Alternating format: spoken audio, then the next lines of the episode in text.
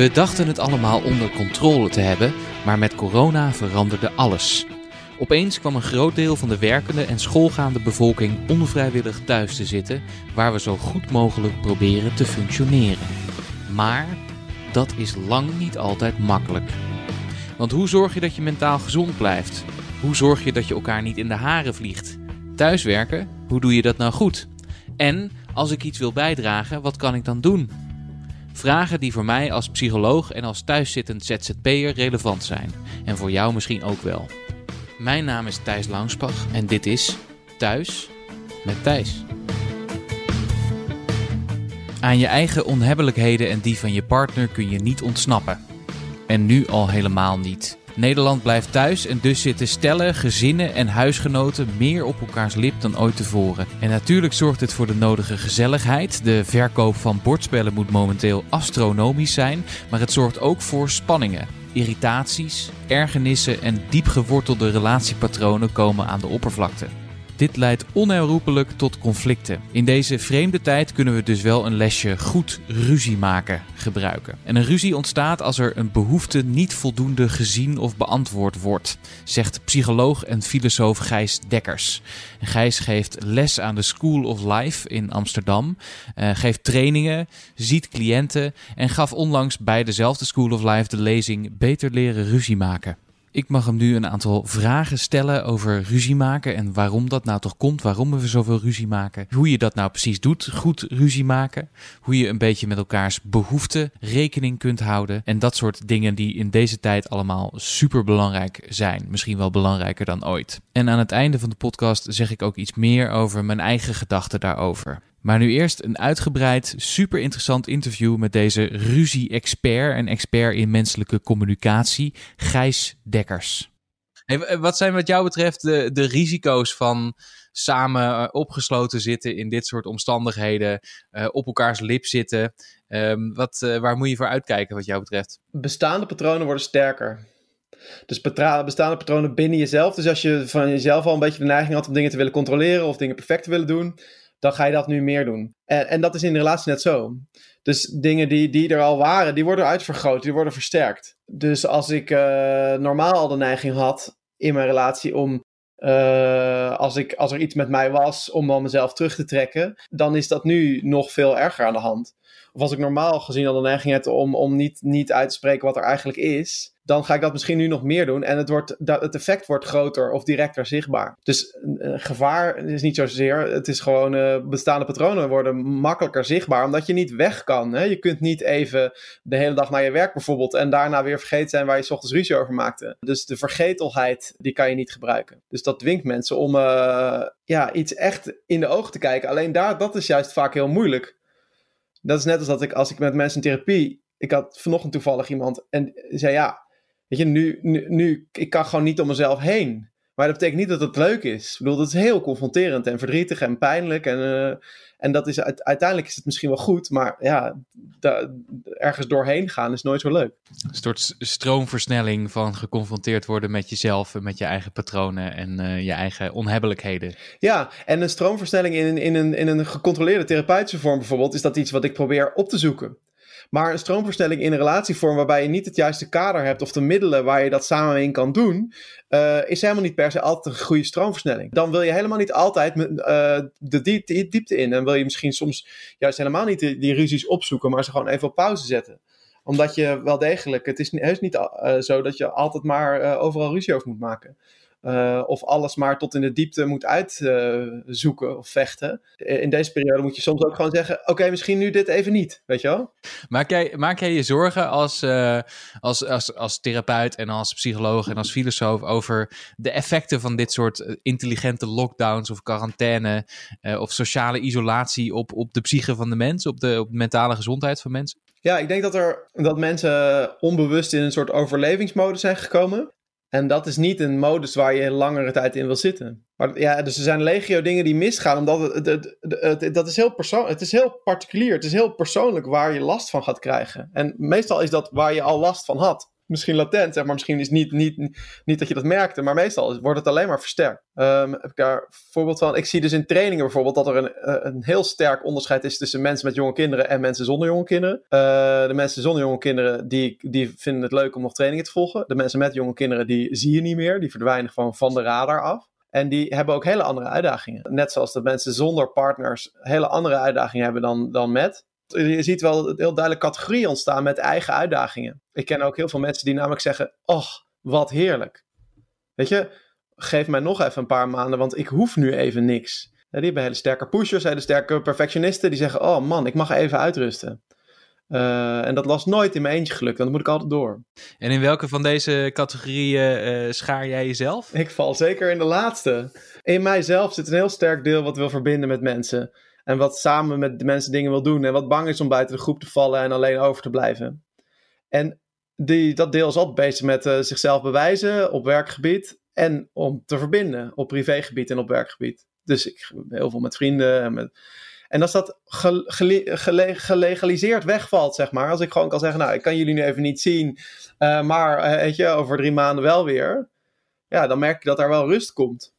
Dan hoef ik even dat, even, ik hoef niet met iedereen iets te doen. Maar ja, eh, ja ik, ik zie om me heen dat, dat, dat de tegenpol daarvan ook heel erg bestaat mensen die juist bang zijn van, weet je, als ik over drie maanden uit deze crisis kom, uh, zijn mijn familie er nog, is mijn vriend, zijn mijn vrienden er nog, weet je wel. Ik moet nu juist uh, investeren. En zo, zo, ik denk dat je in heel veel dingen zo de tegenstellingen ziet. Op dit punt in het interview wil ik Gijs vragen naar twee soorten conflictstijlen die hij onderscheidt in zijn talk bij de School of Life. Namelijk die van de conflictzoekers en van de conflictvermijders. En de conflictzoekers, dat zijn de mensen die snel dingen uitspreken, uh, wel houden van een debat of van een flinke discussie of misschien zelfs van een ruzie en dat wel prettig ook vinden. En de conflictvermijders zijn natuurlijk de mensen die dat uh, ten alle tijden willen vermijden en het liefst niet in conflicten raken. En ik vraag Gijs of deze twee stijlen, dus de conflictzoekers en de conflictmeiders, ook anders omgaan met deze spanningen die er nu zijn. Nou, wat ik als eerste altijd wel leuk vind om te, te, zeggen over het vermijden van een confrontatie, is dat dat een beloning is. Dus als ik uh, bijvoorbeeld jou ergens mee wil confronteren, Thijs, want je hebt me, weet ik veel, iets gezegd wat ik niet zo fijn vind. En ik ga, we, zitten bij elkaar op kantoor bijvoorbeeld. En ik denk, ik loop nu naar je toe en ik ga het nu zeggen. Op het laatste moment denk ik, nee, ja, ik ga het toch niet doen. Het is niet zo belangrijk of ik durf niet. Of, nee. Op het moment dat ik dan wegloop van jouw bureau, voelt dat als een, als een opluchting en dus als een beloning. Dus elke keer als ik een conflict vermijd, voelt het op de korte termijn als een beloning. En dat is waarom het vermijden van een conflict, van confrontaties, zoveel voorkomt. Zeker in relaties. Want je denkt, ook oh, ik heb de lieve vrede bewaard. Het is nog even goed. Dus dit is, dit is, ik, dus je beloont jezelf door te vermijden. Opluchting is iets dat beloont. Opluchting is een vervolg van beloning. Ja, zeker. Dus het, het uh, ja, dat wordt een beetje technisch, maar het weghalen van een, van een negatieve prikkel is een positieve prikkel. Als ik nu keiharde muziek opzet, en jij bent mijn buurman en je komt klagen en ik haal de muziek weg, dan denk je, oh, even niet meer muziek. Haal ik, ik haal een negatieve prikkel weg en dat voelt positief. Dus als ik een confrontatie moet aangaan, dat ik er is niet goed voelt en ik doe dat niet, dan voelt dat positief. Alleen op de lange termijn gaat het dan onder de grond en gaat het ophopen.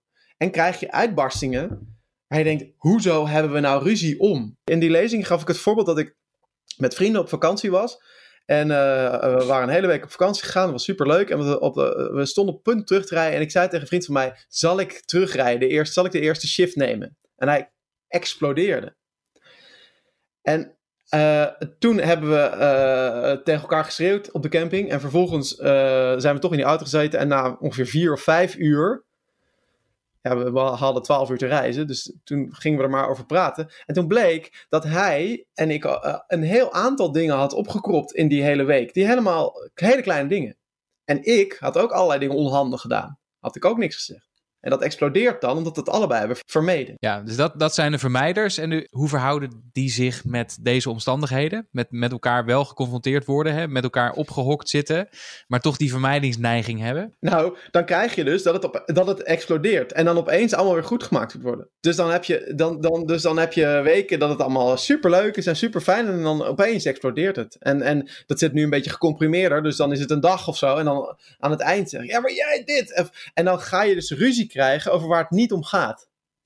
Dus voor mij is beter leren ruzie maken voor een deel ook zuiverder leren ruzie maken. Kan je, kan je daar een voorbeeld van geven? Van dat je dan ruzie gaat maken waar het niet over gaat? Dus het voorbeeld van die auto. Het, het ging er niet om wie als eerste de eerste trek naar huis ging rijden. Het ging er wel om wie beslissingen maakte in onze band. En het ging erom dat, uh, wie, wie naar wie luisterde.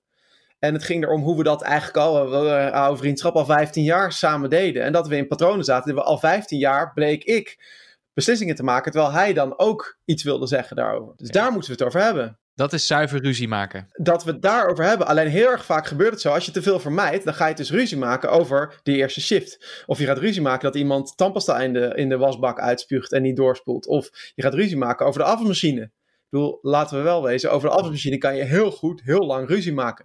En het gaat eigenlijk nooit over de afwasmachine. Het gaat nooit over de afwasmachine. Maar je hebt het wel over de afwasmachine. Dus zuiver leren ruzie maken gaat voor mij ook over, oké, maar waar gaat het nou echt over? Welke behoefte heb ik die niet gezien wordt? En welke behoefte heb jij die niet gezien wordt? En heel vaak zie je bij conflictvermijders. Uh, stel je even drie uh, vierkantjes voor. Je hebt een vierkantje met mijn behoeftes en verlangens. Je hebt een vierkantje met jouw behoeftes en verlangens. En als wij een relatie hebben, dan overlappen die twee vierkantjes. En dan heb je een middelste vierkantje met onze behoeften en verlangen. Ja, dit gaat een beetje snel, maar het is wel belangrijk. Wat uh, Gijs hier dus zegt, is dat je de behoeftes binnen je relatie kunt visualiseren als twee vierkantjes. Die schuin boven elkaar staan en een klein stukje overlappen. En het ene vierkantje staat dus voor de behoeften van persoon A in de relatie. En het tweede vierkantje staat voor de behoeften van persoon B in de relatie. En dat stukje dat ze overlappen, dat zijn de gezamenlijke behoeftes in de relatie. Dat is wel een goede om even te onthouden, want Gijs komt daar later nog op terug. Over hoe je dus die behoeftes goed in kaart kunt brengen. Maar hij gaat het nu hebben over uh, wat dus de conflictvermijders voor neiging hebben. Met betrekking tot de behoeftes van zichzelf en van de ander. En vermijders, die kunnen heel erg goed rekening houden vaak met de behoeftes en verlangens van de partner, van de ander met van, van hun kinderen. De, uh, die, die, die, die, die zullen al tien keer de afwasmachine hebben ingeruimd. En die kunnen misschien ook wel opkomen voor de behoeftes van de relatie. Hè, wij vinden het fijn om samen uh, een, een, avond uh, film te kijken.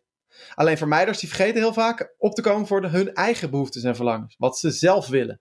En als je dat lang genoeg niet doet, dan op een gegeven moment zeg je: Ja, hallo, ik ben nu voor de vijftiende keer die afwasmachine aan het inruimen. Doe jij ook eens wat? En dan kan je zeggen: De ander, hè, degene die die afwasmachine niet inruimt, is fout. Maar je bent alle twee in een relatie verantwoordelijk voor al die drie. Dus stel ik heb met jou een relatie, dan ben ik verantwoordelijk voor jouw behoeftes en verlangens. Ik ben verantwoordelijk voor mijn eigen behoeftes en verlangens. En ik ben verantwoordelijk voor onze gedeelde behoeftes en verlangens. Dus als jij 15 keer de afwasmachine niet hebt ingeruimd. en ik jou verwijt dat je dat 15 keer niet hebt gedaan. dan heb ik niet goed genoeg aangegeven wat ik wil. En heb jij ergens niet goed genoeg opgepikt wat, wat ik misschien wil. Snap je? Dus, dus, die, dus in een conflict zit altijd een verantwoordelijkheid voor beide, omdat je allebei behoeftes en verlangens hebt. Komt aankelijk dichtbij, dit onderdeel, dit voorbeeld van de, van de afwasmachine, moet ik eerlijk zeggen. Uh, misschien is het dan goed om even naar de andere kant toe te gaan. Dat is uh, een kant waar, waar ik me misschien wel iets meer in herken. Dat, is, uh, dat zijn de conflictzoekers. Hoe zit het daarmee? Ja, aanval is de beste verdediging. Dus laten we voorop stellen dat elk conflict of elke ruzie zit kwetsbaarheid onder. Als ik met jou ruzie heb over de afwasmachine, omdat ik dat heel vaak doe en jij niet. Oh nee, ik moest een ander voorbeeld geven. graag, graag. Ja, precies. Dat kan ik me niet meer concentreren op het stellen van de goede vraag. Waar heb je nog meer ruzie over, Thijs? Nee, het gaat eigenlijk bijna uitsluitend over de afwasmachine. Nee, nee, nee, niet, niet per se. Maar daar gaat het natuurlijk ook nooit om. Het gaat, het gaat bijvoorbeeld over: word ik wel genoeg gezien? Of eigen tijd versus tijd dingen met z'n tweeën doen. Dat soort, dat soort thema's. Dus hoeveel tijd doen we samen en hoeveel tijd doen we alleen? Beide is problematisch. Zeg maar, alle, allebei de uitersten zijn problematisch. Je doet alles samen, dan word je helemaal gestoord op een gegeven moment. Je doet helemaal niks meer samen, uh, dan uh, heb je op een gegeven moment geen relatie meer. Dus die twee vierkantjes, die kunnen helemaal overlappen, dat is verkeerd. En helemaal uit elkaar, dat is verkeerd. Um, alleen die middenweg, dat, daar kan je eindeloos over praten. Het moment, uh, laten we nog even zo houden dat wij een relatie hebben. Um, als ik dan jou verwijt van, hey, uh, jij hebt nu het hele weekend achter je, achter je computer gezeten en je hebt allemaal hele be be be bekende mensen gesproken, maar je hebt geen aandacht gehad voor mij. Er zit kwetsbaarheid van mij onder. Ik voel me dan niet gezien door jou. Als ik dat waarschijnlijk, als ik dan de conflictvermijder ben, dan zal ik dat niks zeggen of dan zal ik dat een beetje vervelend zeggen. Tot ik op een gegeven moment zeg, ja hallo, heb je ook tijd voor mij? En dikke kans dat jij dan zegt, huh, maar ik heb gisteren de hele avond voor je gehad. Of ik heb vorige week toch. Of hè, dan voel je je, ik ben, ik, ik, ben, ik ben kwetsbaar, ik val jou aan.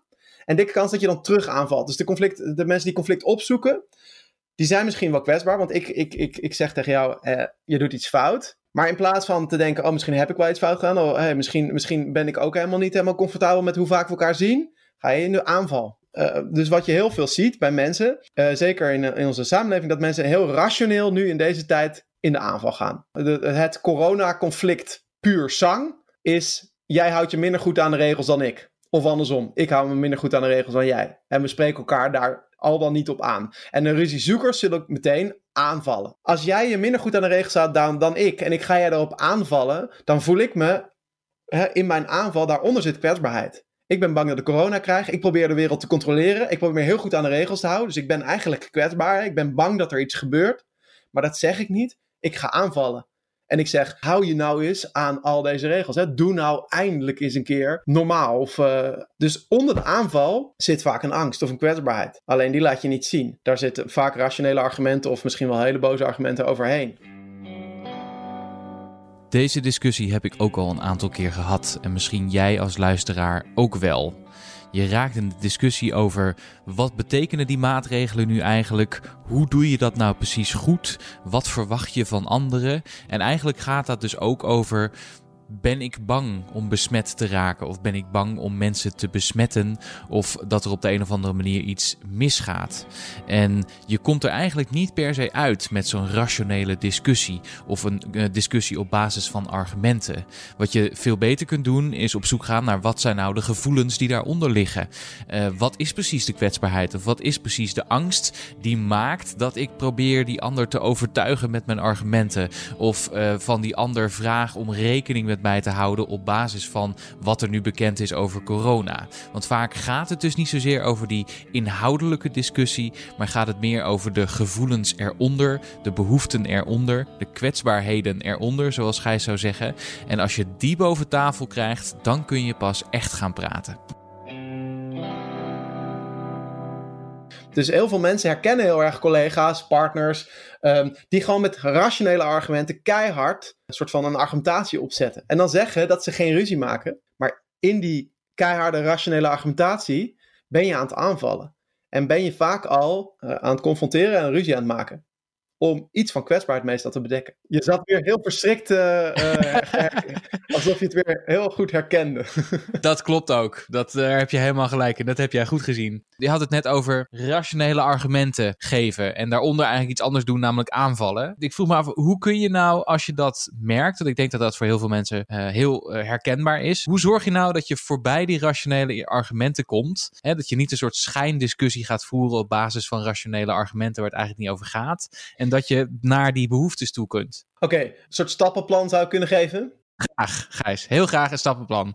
Geef eens een stappenplan. Oké, okay. eerste stap. Op een rustig moment, als je geen ruzie hebt, bedenk je, neem een, uh, uh, weet ik veel, een zonnige zaterdagochtend, ga je samen in de tuin zitten, een kopje koffie erbij. En dan bedenk je wanneer je geen ruzie moet maken. De meeste mensen, laat ik bij mezelf beginnen, moeten geen ruzie maken als ze moe zijn, als ze honger hebben, of als het s'avonds is en ze willen slapen. En laat het nou net zo zijn dat op drie, drie momenten de meeste ruzies zijn. Je wil dan van tevoren hebben bedacht, dit is geen handig moment voor een ruzie. En dan wil je zeggen, oké, we pauzeren het. We hebben in de zon, weet je nog, zaterdagochtend bedacht, als we honger hebben of moe zijn of willen slapen, gaan we geen ruzie maken. Dus we pauzeren hem. En dan komt stap 2, we zetten die ruzie op een lijstje. We maken een ruzieverlanglijstje. En we spreken af, we komen terug op dit ruzieverlanglijstje. Op een, weer een rustig moment neem weer die zaterdagochtend als iedereen rust heeft. Zeggen we, oké, nu nemen we die ruzie die we uh, woensdagavond, toen we allebei moe waren, gepauzeerd hebben. En nu gaan we daar, als we allebei uitgerust zijn, geen honger hebben, gaan we tot de bodem komen. En dan is stap drie. Dan ga je proberen echt te begrijpen waar dit over ging. En wat dan misschien wel stap 4 is dan om dus, uh, en dan kom ik nu bij het antwoord op je vraag, om dus voorbij die rationele argumenten te komen, is om eerst eens te gaan kijken, wat zit er nou, welke behoefte bij mijzelf werd niet vervuld in deze ruzie? Welke behoefte heb ik waardoor ik de neiging had om aan te vallen of om terug te trekken? En vanuit, dat, vanuit die behoefte en vanuit het echt willen luisteren naar de ander, kan je voorbij de rationele argumenten.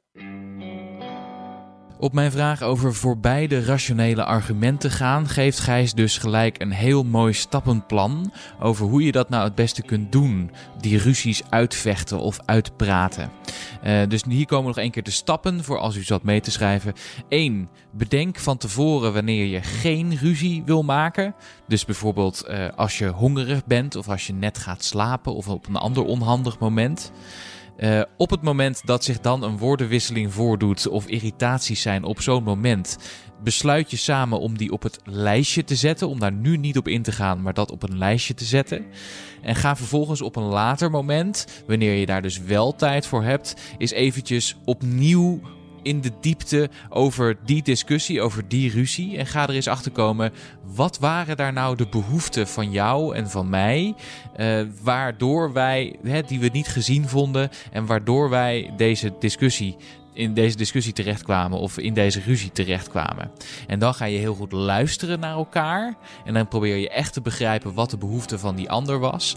En dat is nou hetgene dat er dan voor zorgt dat je voorbij die rationele argumenten komt op dat moment, hè, op, op die zaterdag in de zon, ga je dan vervolgens kijken, oké, vertel eens even, hoe, hoe zat het voor jou? Dan ga ik echt naar jou luisteren. Je zet, zet een, een leuke oefening uh, is om een timer te zetten. Dus je vijf minuten mag de één praten. Dat betekent niet vijf minuten mag de één razen. Of vijf minuten mag de één... Verwijten maken aan de ander de hele de tijd. De ander kapot maken. Nee, de, vijf minuten mag de één heel zuiver proberen te verwoorden. Wat, wat zijn uh, idee was, wat er gebeurde. En wat zijn behoeftes waren die niet gezien werden. En dan mag daarna vijf minuten de ander. En je mag elkaar niet onder. Je mag, mag alleen maar luisteren. Op die manier kan je ruzie gaan maken over waar het echt gaat. En niet ruzie over die afvalmachine, maar ruzie over dat het misschien niet helemaal gelijk verdeeld is of dat de een iemand meer aandacht wil dan de ander. Of dat het gaat over beslissingen maken. Of over leiding geven. Of over volgen. En meestal zijn, het, zijn er maar een paar universele thema's waar het allemaal op terug te vallen. Ja, misschien, misschien kun je eens even noemen. Um, afwasmachine, dus één. Wat nog meer? waar veel ruzie over is, is inderdaad... Nou, in deze tijd, volgen van regels. Afwasmachine. Uh, tijd voor jezelf, tijd voor de ander. Uh, dus eigen, eigen, grenzen. Welke nog meer? Zijn er nog meer van die uh, de algemeen geldende, veel voorkomende dingen nu? Ja, en ik denk waar veel ruzies nu over zijn, is uh, hoe interpreteren wij eigenlijk wat de overheid tegen ons zegt? Hè? We krijgen veel eigen verantwoordelijkheid, dus veel ruzies gaan nu over hoe interpreteer ik die verantwoordelijkheid? Mijn partner wil strenger zijn dan ik, of andersom. Um, ik zie vrienden om mij heen die veel lakser zijn dan ik. Hoe, doe, hoe, hoe ga ik daarmee om, zeg maar? En kijk, er zijn, er zijn natuurlijk honderdduizenden dingen waar je ruzie over kan maken. Maar de universele basisthema's die eronder liggen, daar zijn er maar een paar. Die wil je natuurlijk ook even horen. Ja, graag. De universele angsten waar de meeste ruzies op terug te vallen zijn, is de angst om alleen over te blijven, om anderen te verliezen. Angst voor de dood, angst voor controleverlies, angst voor machteloosheid en een beetje angst voor armoede. In, in essentie zijn de meeste dingen terug te leiden op angst voor de dood en angst voor alleen, uh, alleen overblijven. Angst voor alleen sterven. En dat is niet zo gek, want wij mensen zijn kuddedieren en we willen niet dood. Ja, wat Gijs hier heel mooi opzomt zijn de vijf of zes basisangsten die mensen hebben, die dus vaak onder die behoeften liggen, die dus vaak weer onder die ruzies liggen. En dat zijn, voor als het je een beetje snel ging, de angst voor alleen overblijven, de angst voor anderen verliezen, de angst voor de dood, de angst voor controleverlies, de angst voor machteloosheid en de angst voor armoede. Dat zijn dus een aantal van die basisangsten die vaak liggen onder de ruzies die we op dagelijkse basis hebben. En het is dus wel interessant, zou Gijs zeggen, om eens te onderzoeken welke van die angsten nou spelen op het moment dat je ruzie maakt of dat je ruzie hebt of dat je het gevoel hebt dat het even helemaal mis zit. Met welke angst dat dan te maken heeft die dingen die je nu noemt, die basisangsten, hè? dus angst voor de dood, uh, angst voor ziekte, angst om alleen achter te blijven, uh, angst om buiten de groep te vallen. Dat zijn nou net die dingen waar we genadeloos mee worden geconfronteerd momenteel. Nu alles niet doorgaat en je misschien je, je toekomst wel onzeker is en je niet weet of je, hoe, hoe het leven is over een half jaar.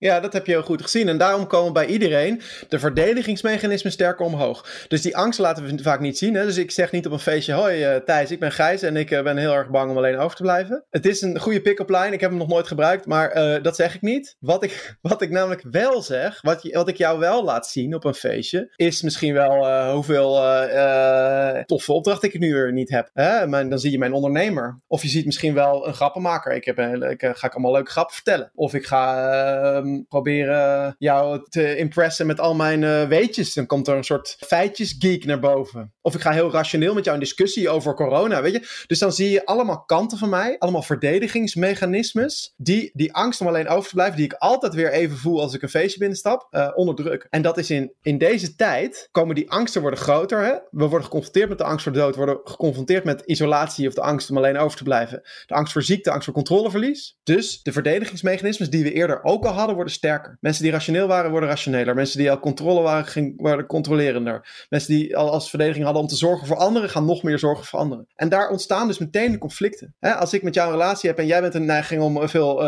rationele argumenten te geven, en ik heb de neiging om veel uh, uh, te zorgen voor iemand, dan ga ik de hele tijd heel veel zorgen voor jou. En dan ga jij de hele tijd heel veel rationele argumenten geven over waarom ik niet bang hoef te zijn voor corona. Binnen een uur hebben we dan ruzie. Want ik vind dat ik te veel voor jou heb gezorgd. En jij vindt dat ik me niet zo moet aanstellen omdat ik bang ben voor corona. En dikke kans, ben jij bang en ik bang. Alleen daar hebben we het niet over. Ja, dus je hebt te maken met he, je eigen uh, veel meer sterker aangezette afweerreacties, zeg maar, hierop. Maar je hebt ook nog eens te maken met, met die verdedigingsmechanismes van je partner. Ja. En in, hoe, in hoeverre kan je dan van iemand vragen of kan je afdwingen dat iemand een beetje rekening houdt met jouw uh, verdedigingsmechanismes? Je bent uiteindelijk zelf verantwoordelijk voor wat jij doet. Je kunt zorgen voor je eigen angst. Dat klinkt misschien een beetje gek, maar uh, ik kan mijzelf geruststellen. Dat kan ik leren. En iemand anders kan het ook doen. Dan kan het, dat kan, dat kan samengaan. En ik kan niet zeggen: oké, omdat ik nou eenmaal zo graag voor anderen wil zorgen, moet jij daar rekening mee houden. Ik kan niet van jou verwachten dat als ik niet zelf kan aangeven uh, dat ik vind dat je soms de afmachine moet inruimen, dat is niet jouw verantwoordelijkheid. Ik moet dat soms aangeven. En net dat jij ook een verantwoordelijkheid hebt om misschien eens een keer vaker de afmachine in te ruimen, omdat je.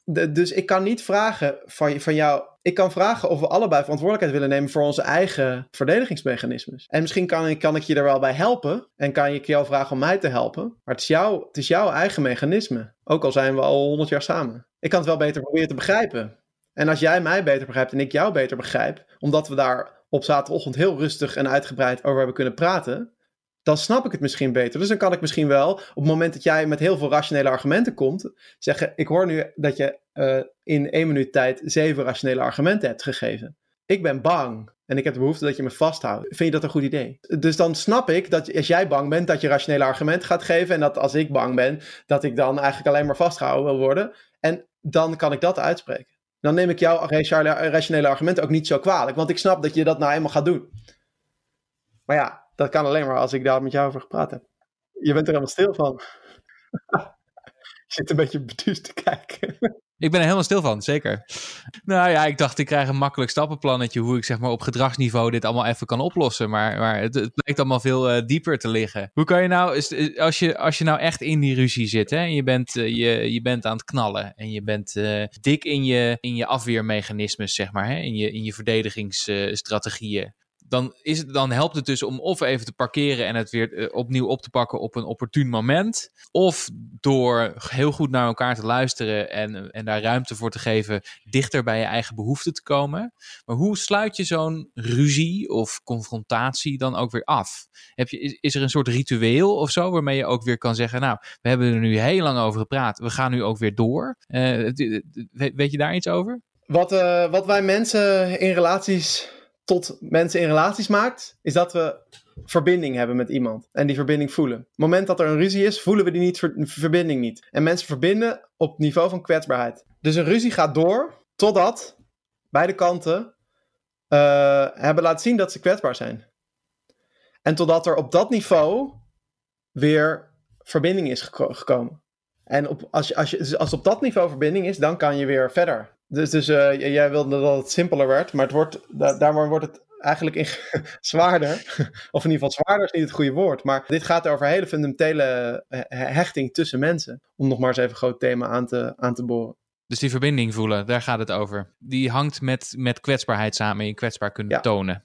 Zeggen, ik ben bang, ik ben, ik ben, ik ben verdrietig, ik ben boos, ik heb je nodig. Uh, dus dus, dus, dus laat, laten zien dat je, dat, je, dat je het misschien niet alleen kan. Laat, die, uh, uh, want op dat moment kan je verbinden. Bedenk, bedenk maar eens even, je, je kunt je misschien wel aangetrokken voelen tot hele succesvolle mensen. Je kunt je aangetrokken voelen tot uh, topsporters, top dingen. Maar kijk nou eens even met wie je vrienden bent. En waarom ben je vrienden? Je bent meestal uiteindelijk, de echte goede vrienden, de, zijn niet je bent niet vrienden omdat die ander nou zoiets zo goed kan. Of zo geweldig is. Dat is uiteindelijk niet een basis voor de meeste relaties en de meeste vriendschap. Basis is dat je de ander misschien hebt gezien op een kwetsbaar moment. Of dat je zoveel hebt gedeeld samen dat je weet, uh, nou, weet je, hij doet allemaal wel. Uh, dus ik weet zeker dat vrienden over mij denken, nou, hij maakt allemaal wel leuke grapjes en is allemaal wel heel erg met ondernemen en zoiets. Maar uiteindelijk is het gewoon een uh, schattig jochie die ook maar wat probeert te doen in de wereld. En dan, als ze dat denken, dan kunnen ze met mij verbinden. En als ik dat ook van hun denk, dan kan, kunnen we vrienden zijn, zeg maar. Ik neem aan dat het ook een enorme spannende stap kan zijn. Om, zeker als je, als je in, de, in de combat mode zit, hè, in de vechtmodus zit. Om dan die stap te kunnen maken naar, naar je kwetsbaarheid te kunnen laten zien. Nee, dat moet je ook niet doen. Uh, want dan heb je eigenlijk alleen maar meer ammunitie. Dus eh, als je echt in combat mode zit, dus eh, met schreeuwen of, of, of dus heel veel vonken, zeg maar. Uh, dan moet je stoppen. Het is gewoon stop, stop het. Of pauzeren, samen, dus zeg maar die oude wijsheden van tot tien tellen en uh, even afkoelen. En, uh, dat, dat is, want je kunt elkaar echt wel meer beschadigen in een ruzie. Dan heb je alleen nog maar meer, meer uit te praten. Dus stoppen en, en dan ook even afkoelen en, en, en misschien even allebei een wandeling maken. Of, en even kijken, waar gaat het nou eigenlijk echt om? Die vraag, waar hebben we nu eigenlijk echt ruzie over? En, en ik weet, in mijn, uit mijn eigen ervaring was uiteindelijk, als ik gewoon vroeg, blijf je bij mij? Dat echt echt oprecht liet meten van ik, ik ben misschien wel bang dat, je, dat ik je kwijtraak, blijf je bij mij. Dat dat op een gegeven moment een manier was om, om te zeggen, ik ben, ik, ik, ik ben nu misschien allemaal wel heel raar rationeel, en, uh, maar ik wil gewoon jou niet kwijt. En dan uh, werd er weer gelijmd, zeg maar. Ja, wat Gijs hier zegt, daar moest ik even over nadenken. Wat hij dus eigenlijk zegt, is je kan als je in de combat mode staat, als je elkaar uh, als je in de ruziestand staat, zeg maar, kun je eigenlijk niet het conflict oplossen. Want daar is voor nodig dat je verbinding met elkaar opnieuw vindt. En voor die verbinding is kwetsbaarheid nodig. En wat is nou net hetgene dat je het minste wil laten zien vaak als je in de ruziestand staat? Juist, dat je kwetsbaar bent. Want dan wil je natuurlijk de ander raken.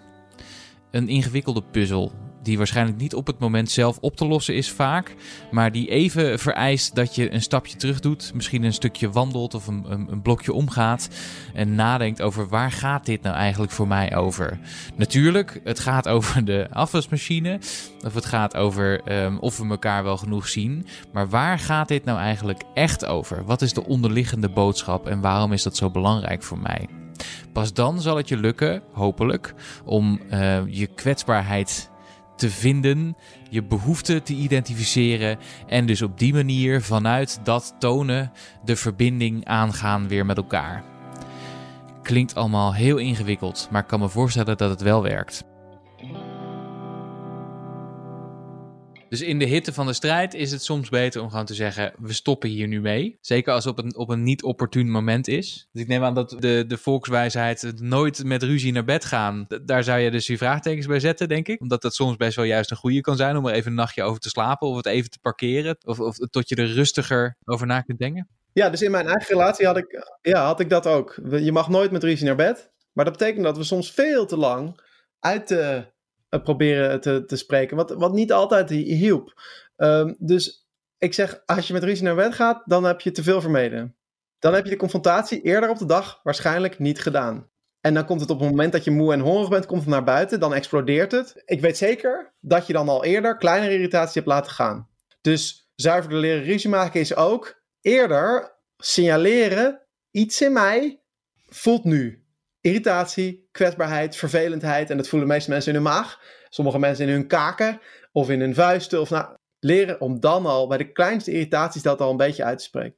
Betekent dat dat je zegt, je moet eigenlijk, als je, als je ook maar zo'n kleine irritatie voelt, is het zaak om die meteen uit te spreken? Of zeg jij eigenlijk, ja, sommige dingen kan je misschien maar het beste ook gewoon laten liggen, omdat ze niet belangrijk genoeg zijn? Nee, er is nooit zoiets als niet belangrijk. Er is wel uh, zoiets als een, een goed moment om dingen uit te spreken of niet. En een goede manier om dingen uit te spreken. Dus zomaar verwijten gooien de, lucht in, dat is niet handig. Een mooi voorbeeld, ik, ben, was op windsport met vrienden en ik was door mijn rug gegaan. Uh, dus ik was de hele dag in mijn eentje thuis, al twee dagen. En zij waren met, mijn, mijn vrienden waren met een gids allemaal super toffe dingen aan het doen. Dus ik was gefrustreerd. En toen ging, gingen de vrienden van mij gingen nog, daarna nog even iets drinken in de kroeg. En toen waren ze laat terug, zeven uur of zoiets. En ik was al de hele dag eigenlijk op hun aan het wachten. Dus ik had het niet zo leuk. En toen kwamen ze terug. En toen uh, dacht ik, ik vind het echt vervelend dat ze nu twee uur later waren dan eigenlijk normaal uh, de bedoeling was. Terwijl ik al in mijn eentje was de hele dag. Houden ze geen rekening met mij, weet je. Ik voelde me eigenlijk niet gezien. En toen dacht ik, ja, moet ik dit nu zeggen of niet? En mijn neiging is om dat dan niet te zeggen. En toen dacht ik, oké, ik ga dit wel doen. En dat heb ik gedaan volgens de regels van de geweldloze communicatie. Geweldloze communicatie heeft vier stappen. Uh, en uh, geweldloze communicatie is ontstaan uh, vanuit uh, Marshall Rosenberg. En die was nieuwsgierig naar taal. En vooral dat we elkaar vaak in taal geweld aandoen. Dus als ik bijvoorbeeld tegen jou zeg: Dit heb je echt goed gedaan. Dan neem ik in taal de bovenpositie in. Dan zeg ik namelijk: Ik ben iemand die kan bepalen of jij iets goed of fout hebt gedaan. Dus ik zeg: Je hebt het goed gedaan. Of als ik tegen jou zeg: Je moet echt morgen dat, dat en dat webinar volgen op internet. Met het woordje moet en met de toon doe ik met taal jouw geweld aan. Marcel Rosenberg die was nieuwsgierig, kunnen wij die taal geweldlozer maken? En zal dat helpen om minder conflicten te krijgen? Dus hij heeft een, een methodiek ontwikkeld om niet zachter dingen te zeggen, of niet minder direct dingen te zeggen, maar geweldloos. Dat wil zeggen dat ik in mijn taal jou geen geweld aan doe. Dus stel je voor, ik was in dat huisje, zij kwamen binnen en ik dacht ik ga dit volgens de Marshall Rosenberg regels doen. De eerste stap is observatie. En heel erg vaak maken we een interpretatie. Dus dan ik, zou ik bijvoorbeeld zeggen, hebben jullie weer lekker zitten zuipen in de kroeg? Of wat zijn jullie ontzettend laat? Of jullie hebben helemaal geen rekening met mij gehouden. Allemaal interpretaties van de situatie. Eerste stap, observatie. Dat is bijvoorbeeld zeggen: Het is nu 7 uur en jullie komen thuis. Daar kan ik geen ruzie over maken. Ja, dat is de eerste stap. De tweede stap is uh, zeggen wat voor gevoel je dat geeft. En heel veel mensen hebben op een of andere manier in een of andere cursus geleerd dat ze gevoelsreflecties moeten geven. En heel veel mensen die denken dan dat ze dat goed doen door bijvoorbeeld, ik krijg het heel vaak terug in cursus, dan zeggen ze, toen zei ik, ik voel me afgewezen en toen werd iemand toch boos. Toen gingen ze zich heel erg verdedigen. Of toen zei ik tegen mijn partner, ik voel me niet gezien. En toen ging mijn partner zeggen op wat voor manier hij me allemaal wel had gezien. En gevoelens als ik voel me niet gezien, ik voel me afgewezen, zijn eigenlijk geen gevoelens, maar dat zijn verwijten. Ik zeg, jij hebt me, niet, jij hebt me afgewezen of jij hebt me niet gezien. In een echte gevoelsreflectie zeg je een van de vier basisemoties: bang, boos, blij of bedroefd. Of alle afgeleid daarvan. Dus het is nu 7 uur, jullie komen thuis. Ik voel me daar een beetje boos over. Stap 3 is de behoefte. En ik heb het al vandaag uh, vaker over de behoefte gehad. Maar de, de, de, vraag is: oké, welke behoefte wordt niet vervuld? En mijn behoefte is om gezellig met, met mijn vrienden iets te doen op dat moment. En die wordt niet vervuld. Dus dan zeg ik: oké, mijn behoefte is om een deel van de dag met jullie lol te maken. En de vierde stap is een verzoek. En het belangrijk met een verzoek is dat het geen bevel is. En dat iemand het naast zich neer kan leggen. Dus als ik zeg en ik verzoek om de komende drie dagen elke dag om vijf uur thuis te zijn, dan is dat geen verzoek, dat is een bevel. Dat kunnen ze niet naast zich neerleggen. Maar als ik zeg, en ik verzoek jullie om, om er de komende dagen uh, uh, een beetje rekening mee te houden dat ik hier de hele dag uh, thuis zit. zouden jullie me in ieder geval laten willen laten weten als je, als je wat later thuis weggaat? Of ik, ik, verzoek jullie om een beetje rekening te houden met dat ik hier in mijn eentje zit. Daar kunnen ze, daar kunnen ze nog iets mee doen. Hè? Dat kunnen ze naast zich neerleggen, dat kunnen ze. Dus, dus die Marshall Rosenberg die zegt, als je zuiver wil communiceren, dan doe je een observatie geen interpretatie. Je geeft een gevoel, stap 2, geen oordeel. Stap 3 is je geeft je, je uit je behoefte en een behoefte is nooit een verwijt. Een behoefte is altijd alleen maar iets van jou. En je doet een verzoek wat de ander kan neerleggen, dat is stap 4. En dat is extreem moeilijk in het begin. Maar als je dat oefent, dan kan je veel zuiverder gaan leren confronteren. En dan ga je merken, in dit geval was het zo, dat uh, die vrienden zeggen, oh ja, sorry, dat, dat zijn we vergeten. Dat was vervelend. En uh, we, gaan er, we gaan er rekening mee houden. En toen was het voor mij uit de lucht. Terwijl als ik niet had gezegd, dan was ik er zeker uh, nog een paar dagen mee blijven rondlopen. En dan was het in vervelende kleine zijopmerkingjes, was die irritatie naar boven gekomen. En als je hier nou wel mee wil gaan oefenen, dan daag ik je uit hele kleine confrontaties aan te gaan. Misschien met de juffrouw achter de balie. Of met uh, mensen die je niet kent. Kleine confrontatietjes. En dat je het met mensen thuis, die in je omgeving, oefent op een positieve manier. Met complimenten. En complimenten geven op een geweldloze manier. En bedankt voor je uitleg hiervan. Super duidelijk. En ik denk uh, dat dat zeker in deze tijden uh, een hoop kan schelen op deze manier met elkaar communiceren. We hebben het nu vooral gehad over wat doe je tijdens het ruzie maken. Hoe kun je nou voorkomen dat je En misschien helemaal voorkomen dat je in die situaties terechtkomt of hè, dat je botst met elkaar, dat, zul je niet, dat zal, zal niet lukken. Maar hoe kun je nou zoveel mogelijk elkaar de ruimte geven en zoveel mogelijk proberen daaruit te blijven uit die conflicten met elkaar? Wat heel leuk is, is om uh, ook weer op een rustig moment, neem nu de zondagochtend, samen eens even die, uh, die drie uh, vierkantjes te tekenen. En samen eens te kijken van oké, wat heb jij behoefte voor jezelf? Wat voor verlangens heb je voor jezelf? Wat voor verlangens heb ik voor mezelf? En wat voor behoeften en verlangens hebben we samen? En dat gewoon eens rustig helemaal opschrijven. Zelf, ik wil graag een paar keer in de week sporten. Ik wil graag eh, twee of drie avonden even een uurtje in mijn eentje met kunnen terugtrekken. Ik wil heel graag uh, alle avonden samen eten. Uh, wat wil jij? Weet je wel? En dan kan de ander dat ook zeggen. En dat je dus eigenlijk al een beetje bedenkt van wat heb je samen nodig, wat heb je zelf nodig? Want heel erg vaak gaat het daar, daar ergens nu in mis. Te weinig ruimte voor jezelf, de ander te veel ruimte voor zichzelf neemt. Dus dan gaat het over en verbaliseren, uh, onder woorden brengen wat je nou precies wil. En ook een beetje onderhandelen over hoe kunnen we nou een manier vinden waarin we met elkaars behoeften zoveel mogelijk uh, rekening kunnen houden. Ja, het is aangeven wat je ja. zelf nodig hebt, waar je behoefte aan hebt. Dat is wat je in een ruzie ook doet, alleen op een, dan is het uit de hand gelopen. Dan zeg je, oké, okay, nu kan het echt niet meer. Nu moet ik je zien. Nu ben je drie weken te lang, ben ik, uh, ben ik, uh, ben je me aan het negeren, weet je Dus dan, maar de behoefte was, was op dag één al hetzelfde als uh, na drie weken. Alleen na drie weken had je de moed om het uit te spreken, omdat je drie weken lang een conflict hebt vermijd en het zo groot is geworden dat je, het, dat je er niet meer omheen kan. Maar dat, de behoefte was in dag één al aanwezig. Dus nu aan de slag met die afwasmachine, Thijs. Uh, afwasmachine, dat wordt een ding. Ik, ik, ik, nou ja, de, mijn hele weekend is ook weer gevuld met, uh, met vooruitschuiven van, uh, van hè, vooruitgeschoven ruzies oplossen en behoeftes in kaart brengen van elkaar. Ik hoor het alweer. Nou, laat ik afsluiten in, in stijl dan. Ik zie dat we al drie kwartier bezig zijn met dit gesprek. Ik ben zeer blij met wat we allemaal hebben besproken. zeer dankbaar voor je vele wijsheid die je hebt willen delen. Ik heb desalniettemin de behoefte om even naar buiten te gaan straks. Dus ik wil je vragen of het goed is als we dit gesprek hierbij sluiten. Met heel, heel veel uh, dank. Ja, zeker. Al dus Gijs Dekkers, de psycholoog en filosoof, die dus veel weet over ruzie maken en hoe je dat het beste moet doen. En van hem heb ik uh, veel geleerd in dit gesprek. Uh, wanneer je geen ruzie kunt maken, beter. Uh, dat je de ruzies die je nog wil maken het beste op een lijstje kunt bewaren. Dat je als je iets aan het uitpraten bent, het beste een timer kunt zetten. Zodat alle betrokken partijen hun zegje kunnen doen en gehoord kunnen worden. Dat er altijd angsten, of heel vaak angsten onder een ruzie zitten. En dat je pas weer kunt verbinden op het moment dat je je kwetsbaarheid kunt laten zien. En mocht je nog willen weten wat ook alweer de stappen waren in de geweldloze communicatiemethode van Marshall Rosenberg, hier komen ze nog een keer. 1. Benoem een observatie. Toen ik vanochtend in de keuken kwam, stond er op het aanrecht en in de wasbak afwas. Nummer 2. Benoem het gevoel dat je erbij hebt. Ik voelde me daar geïrriteerd over. 3. Benoem de behoefte die je hebt. Ik heb behoefte aan overzicht en rust en daar helpt een opgeruimd huis bij. En nummer 4. Benoem een verzoek. Zou je willen zorgen dat je jouw afwas inruimt in de machine? Dus dat zijn de vier stappen. Een observatie, het gevoel dat, erbij hoort, de behoefte die eronder ligt en een verzoek. Met dank dus aan Gijs Dekkers. Ik schreef er in het AD het volgende over. Week 6 van de coronamaatregelen zijn begonnen. Een groot deel van de werkende bevolking probeert inmiddels zo goed en zo kwaad als het gaat thuis te werken, met niet te onderschatten gevolgen in de persoonlijke sfeer. Je hebt nog nooit zoveel van je partner meegemaakt. De kinderen blijken toch niet goed helder te hebben wanneer papa of mama in een heel belangrijk telefoontje zit. De muren komen op je af. Miscommunicaties, huilbuien, woedeuitbarstingen en paniekaanvallen. Je begint terug te verlangen naar de oppervlakkige veiligheid van de kantoortuin. Kortom, handvatten over vreedzaam samenwonen komen nu wel van pas. 1. Irritatie mag.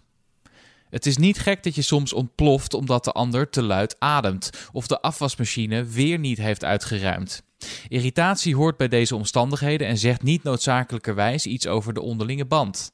Het zijn uitzonderlijke tijden en daar hoort frustratie bij. Test je incasseringsvermogen en spreek af dat je je soms irriteert, betekent niet dat je niet van je gezinsgenoten houdt. En andersom, dat je van je gezinsgenoten houdt, betekent niet dat je hen niet af en toe achter het behang kunt plakken. 2. Koester je privé-tijd. Natuurlijk, samen zijn is gezellig en zo. Maar voor je mentale gezondheid is het ook belangrijk om tijd te hebben voor jezelf en voor je eigen gedachten. Dus doe regelmatig een wandeling, verstop je in een kast met een boek, ga onkruid wieden of sluit je op in de wc met een kruiswoordpuzzel. 3. Reageer je frustratie af. Nee, natuurlijk niet op je huisgenoten, maar wel op een boksbal, op een slopende intervaltraining, op die puinhoop van een schuur, op het verouderde tegelvloertje in de badkamer. Met betrekking tot het laatste, overdrijf niet. Niemand wil in quarantaine in een bouwval. 4. Maak afspraken. Met elkaar opgehokt zitten vraagt om duidelijke afspraken over het samenleven. Wie is op welk moment het aanspreekpunt voor de kinderen? Welke functies binnen de BV-gezin worden door wie en wanneer uitgevoerd? Wat zijn de werktijden en wanneer ben je vrij van de verantwoordelijkheid? Maak je geen duidelijke afspraken, dan is ieder overal voor verantwoordelijk en gebeurt er dus helemaal niks. Het is net werk. En 5. Deel ergernis en waardering. Ik weet het, soft gedoe, maar het helpt echt. Deze situatie vraagt om veel en vaak communiceren. Vergader dus regelmatig. Praat natuurlijk over de dingen die niet goed gaan, dat lucht namelijk op, maar hou het bij jezelf. Verwijten zijn aanleiding tot ruzie. Gevoelens delen, dat leidt vaak tot begrip. Spreek echter ook waardering uit voor wat wel goed gaat.